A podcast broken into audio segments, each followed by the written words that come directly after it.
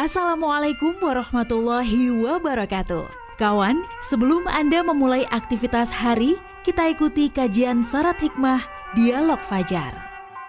Assalamualaikum warahmatullahi wabarakatuh. Alhamdulillah kawan. Pagi hari ini saya Fitriana Ayu Kembali di program Dialog Fajar. Tentu tidak sendiri di studio Sudah hadir Ustadz Abdurrahim Hasan Dari pesantren Al-Quran Nurul Falah Surabaya. Assalamualaikum Ustadz Rahim. Waalaikumsalam warahmatullahi wabarakatuh. Insya Allah. Sehat ya Ustadz? Alhamdulillah. Sehat walafiat. Alhamdulillah. Ini pagi hari ini Kalau bertemu ini berarti ada sesuatu yang penting harus disampaikan lagi ya Ustadz Insya Allah. ya. Insya Allah. Pagi hari ini kawan, pentingnya belajar ilmu agama. Nah ini kira-kira supaya seperti apa, kemudian dimulai dari mana? Monggo selengkapnya bersama Ustadz Abdurrahim Hasan. Ya baik Mbak Ayu Assalamualaikum warahmatullahi wabarakatuh. Waalaikumsalam warahmatullahi Bismillahirrahmanirrahim. Alhamdulillahirrabbilalamin Wassalatu wassalamu ala asrafil anbiya wal mursalin Wa ala alihi wa ashabihi ajmain. Ashhadu an la ilaha illallah Wa anna muhammadan rasulullah. Allahumma salli ala sayyidina muhammad Allahumma Wa ala ali sayyidina muhammad fil alamin. Innaka hamidun majid. Amma ba'du Kawan, Alhamdulillahirrabbilalamin Bersyukur kita panjatkan kehadirat Allah Subhanahu wa taala yang telah memberikan rahmat, taufik, hidayah dan kesehatan kepada kita semuanya. Sehingga pada pagi hari ini kita atau kami berdua, saya sama Mbak Ayu bisa hadir di tempat yang berbahagia ini eh, dalam keadaan sehat walafiat. Ya, mudah-mudahan kita selalu diberi kesehatan oleh Allah Subhanahu wa taala pada hari ini sehingga kita bisa beraktivitas secara maksimal dan mendapatkan keberkahan dari Allah Subhanahu wa taala. Iya, kawan. Pada pagi hari ini kita akan coba untuk berdialog dengan tema eh, pentingnya belajar ilmu agama. Kenapa begitu? Ya, Karena sesungguhnya ilmu agama ini adalah sebagai bekal, Mbak. Sebagai bekal agar kita ini bisa beribadah kepada Allah Subhanahu wa taala itu dengan benar, dengan mantap nah, dan seterusnya ya. Karena ya setiap kita beribadah kepada Allah itu kan eh, seharusnya ada ilmunya, harus ada ilmunya. Kenapa begitu? Karena di setiap kita beribadah itu di sana ada syarat dan ada rukunnya gitu. Nah, contoh saja ketika kita mau melaksanakan sholat ya, maka sebelum sholat maka ada syaratnya apa Mbak Ayu? Wudhu, Yaitu Ustaz. berwudu ya, itu kan iya. syaratnya. Nah, ketika berwudu itu juga sama ada eh, syarat dan rukunnya. Contoh begitu, ketika wudu maka kita harus memulainya dengan niat kan begitu kan. Setelah kita niat, kemudian kita basuh wajah. Kemudian setelah itu kita basuh tangan. Kemudian mengusap kepala dan basuh eh, kaki sampai mata kaki. Itu rukunnya. Ditambah tertib atau berurutan. Jadi Ya, lima kegiatan itu harus kita lakukan secara berurutan. Nah, itu kan harus ada ilmunya. Kalau nggak ada ilmunya, ya mungkin diawali dari kaki dahulu, ya, atau diawali dari tangan dahulu. Nah, itu bukan namanya berwudu, ya, Iya, tapi salah namanya ya, Ustaz. membasuh. Nah, itu artinya bahwa kita harus mengetahui ilmu tentang tata cara berwudu itu. Itulah pentingnya ilmu agama. Kita supaya kita eh, bisa beribadah kepada Allah Subhanahu wa taala secara maksimal. Sehingga ya Rasulullah Shallallahu alaihi wasallam menyampaikan kepada kita bahwa sesungguhnya mencari ilmu agama itu wajib, Mbak. Wajib bagi semua orang yang menyatakan dirinya muslim. Jadi ketika ada seseorang yang sudah mengucapkan syahadah, asyhadu an la ilaha illallah wa asyhadu anna muhammadar rasulullah, maka di situlah maka dia wajib untuk melaksanakan atau mencari mencari ilmu baik laki-laki maupun perempuan. Ya dengan hadis beliau kan ada talabul ilmi faridatun ala kulli muslimin. Bahwa menuntut ilmu itu adalah wajib bagi setiap muslim.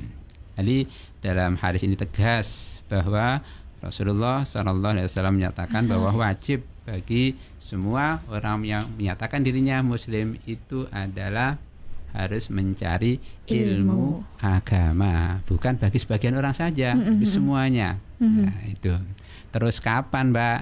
Ya. Mencari ilmu agamanya ini dimulai? Mm-mm. Apakah waktu kecil atau waktu dewasa dan lain sebagainya?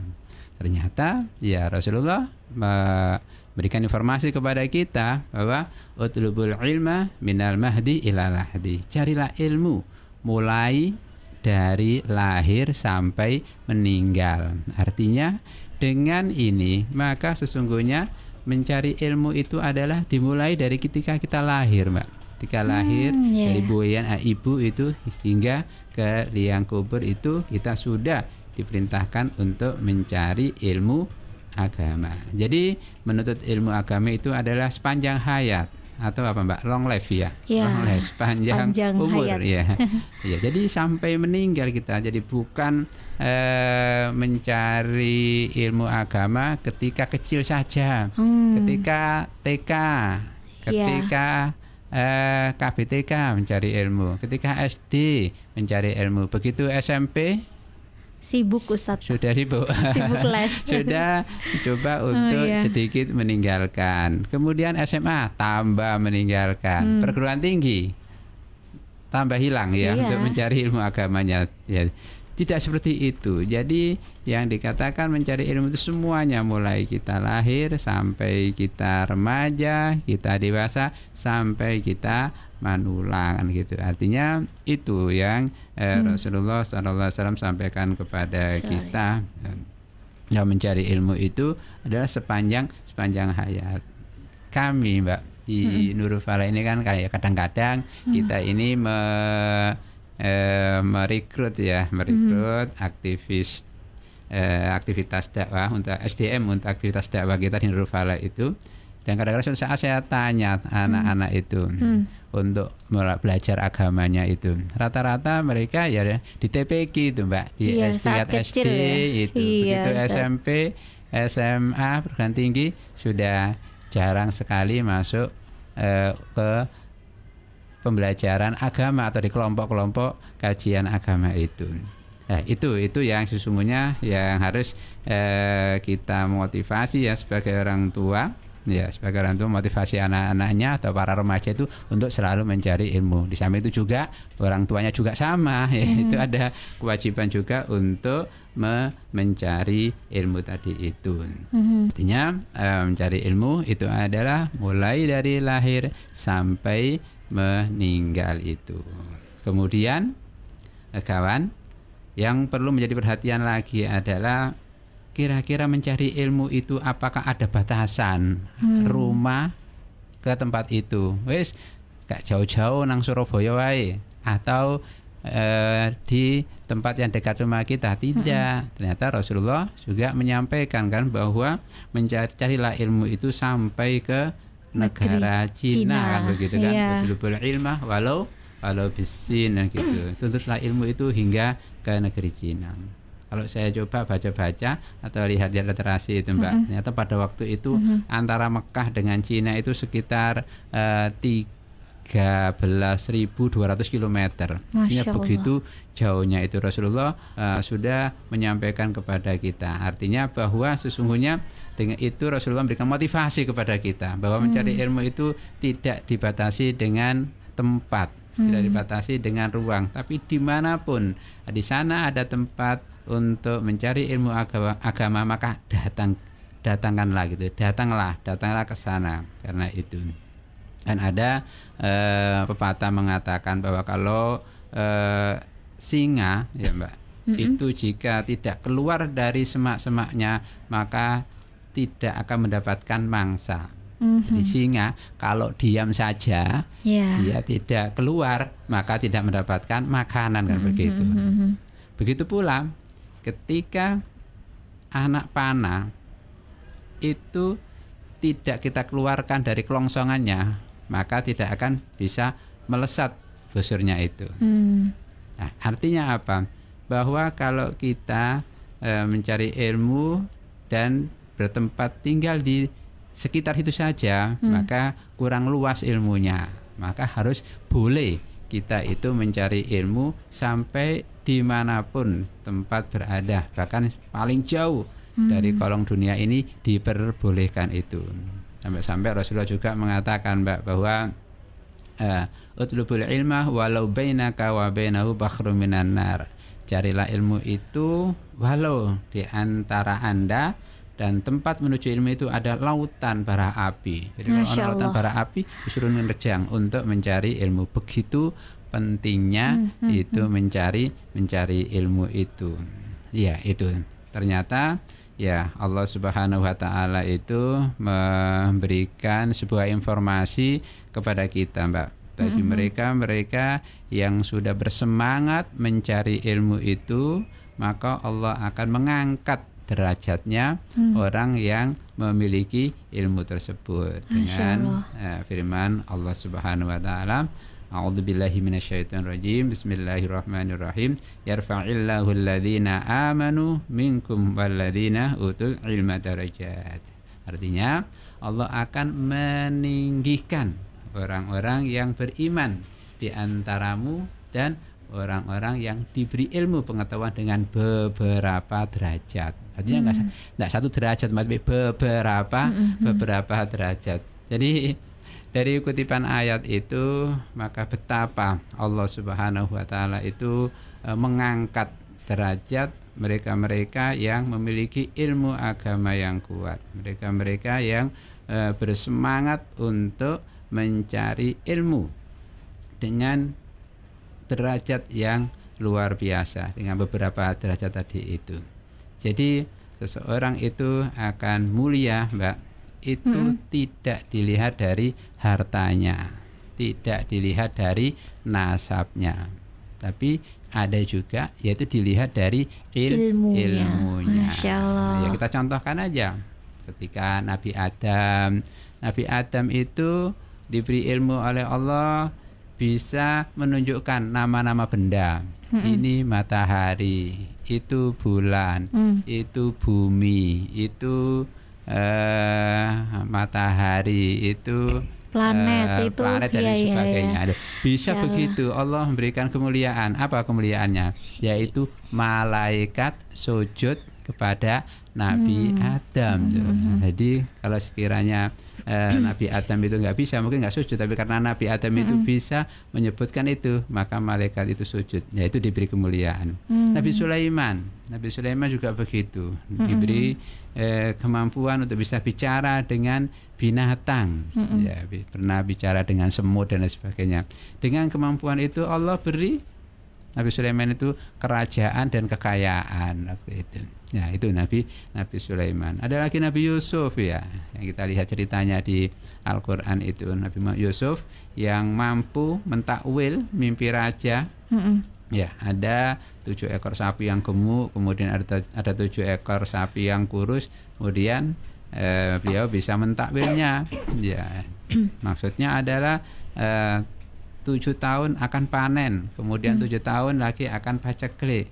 Hmm. Nah, Nabi Yusuf bisa seperti itu, bisa mentawar seperti itu, kemudian raja memberi memberi kemuliaan hmm. yaitu dijadikan bendahara negara, dijadikan orang yang bisa melakukan bagaimana agar dalam tujuh tahun itu ya waktu paceklik itu hmm. kita masih punya makanan ya dibuatkanlah lumbung oleh Nabi Yusuf dan seterusnya diberi kemuliaan Nabi Yusuf. Nah, itu. Jadi Allah Subhanahu wa taala itu memberikan kemuliaan dengan beberapa derajat tadi kepada mereka-mereka yang menjadi bahwa sesungguhnya Allah Subhanahu wa taala itu juga akan mudahkan kepada mereka-mereka yang selalu mencari ilmu agama itu. Jadi Rasulullah bersabda, "Wa man salaka tariqan yaltamisu fihi ilman sahalallahu lahu bihi tariqan ila jannah. Barang siapa yang menempuh suatu jalan dalam rangka menuntut ilmu, maka Allah akan memudahkan baginya jalan menuju surga. Jadi Masya mudah, Mbak. Kalau kita uh, ya, ya, ya ingin masuk surga itu cukup mencari ilmu saja gitu. Hmm. Ini ada cerita, Mbak. Hmm, Jadi ada cerita sih? ada seorang syekh uh, beliau bernama Syekh Hisam Al-Burhani dari Damaskus. Hmm. Aslinya beliau ini eh, Syekh Hisam ini adalah seorang penggali kubur. Mm-mm. Penggali kubur. Nah, pada waktu beliau menggali kubur itu ada seorang perempuan yang datang kepada beliau Mhm. untuk menggali kubur itu, menggali kubur untuk anaknya, Masya untuk anaknya.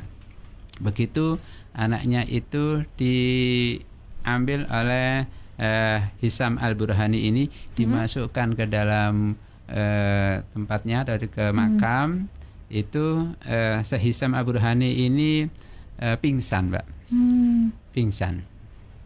Maka setelah itu kemudian eh, siuman dan dikuburlah anak ini. Mm-mm. Dah dia eh, seperti biasa. Kemudian dua bulan berikutnya ibu ini datang lagi, datang lagi meminta penggali kubur ini lagi untuk menggali kubur karena anaknya yang kedua meninggal lagi. Hmm, ya Allah. Maka dikuburlah anak ini. Setelah dikubur Syekh Hisam ini pingsan lagi Mm-mm. karena ada sesuatu yang ada di dalamnya itu, dalam kubur itu. Setelah itu dikubur. Mhm. Setelah selesai, kemudian Syekh Hisam ini bertanya kepada eh, orang tua atau kepada ibu dua anak yang meninggal ini. Anak ibu dua ini punya amalan apa?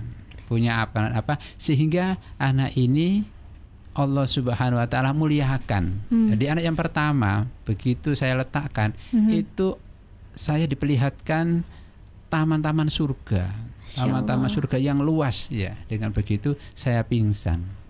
Ya Anak kedua juga demikian. Mhm. Anak kedua ketika saya letakkan juga saya diperlihatkan oleh Allah itu taman surga dengan berbagai kenikmatan yang ada di sana. Saya pingsan juga. Kemudian ibunya eh, bilang bahwa anak yang pertama dulu itu adalah anak saya yang pertama Hmm. yang dia itu hidupnya selalu mencari ilmu. Hmm. jadi selalu mencari ilmu. Kemudian eh, meninggal. Anak yang kedua ya adalah adiknya yang dia itu bekerja. Bekerja dan dia setiap hasilnya itu diberikan ke kakaknya yang mencari ilmu itu. Nah kemudian keduanya Masya Allah. meninggal. Ya. Jadi kemudian apa eh, kata Syekh Hisam oh jadi itulah kemuliaan orang yang berilmu dan kemudian orang yang memuliakan orang yang berilmu. Setelah itu kemudian Syekh Hisam ini berguru ya sampai Syekh Hisam ini menjadi seorang yang alim, seorang ulama karena Hmm. mengetahui bahwa begitu Allah Pentingnya. Subhanahu wa taala memberikan kemuliaan kepada orang yang mencari ilmu tadi itu dan Mhm. begitu Allah mudahkan Mhm. jalan menuju menuju surga, itu. Insya Allah. Lalu Ustadz Rohim, apakah di era-era yang sekarang itu masih ada yang tidak tahu seberapa pentingnya menuntut ilmu agama? Iya, ketika waktu TK, waktu SD Mhm. itu bersemangat mencari ilmu agama. Mhm, Begitu mhm. kalau sudah SMP, SMA, perguruan tinggi, nah itu banyak yang sudah melalaikannya. Dan Mhm, terkadang juga mhm. ada orang tua yang menghantarkan anaknya ke TPQ tapi dia "Wis, cukup kamu aja yang belajar, Mhm, ibu nggak mhm. usah belajar. Itu kan masih banyak kita Ah. menemukan seperti itu. Iya, iya. Artinya ya memang perlu seperti ini eh, Mhm. sebuah motivasi, sebuah informasi kepada eh, kaum muslimin bahwa sesungguhnya mencari ilmu itu tidak dibatasi, tidak Mhm. dibatasi waktu, tidak dibatasi usia, tidak, tapi mencari ilmu harus terus menerus seperti itu. Masya ya, itulah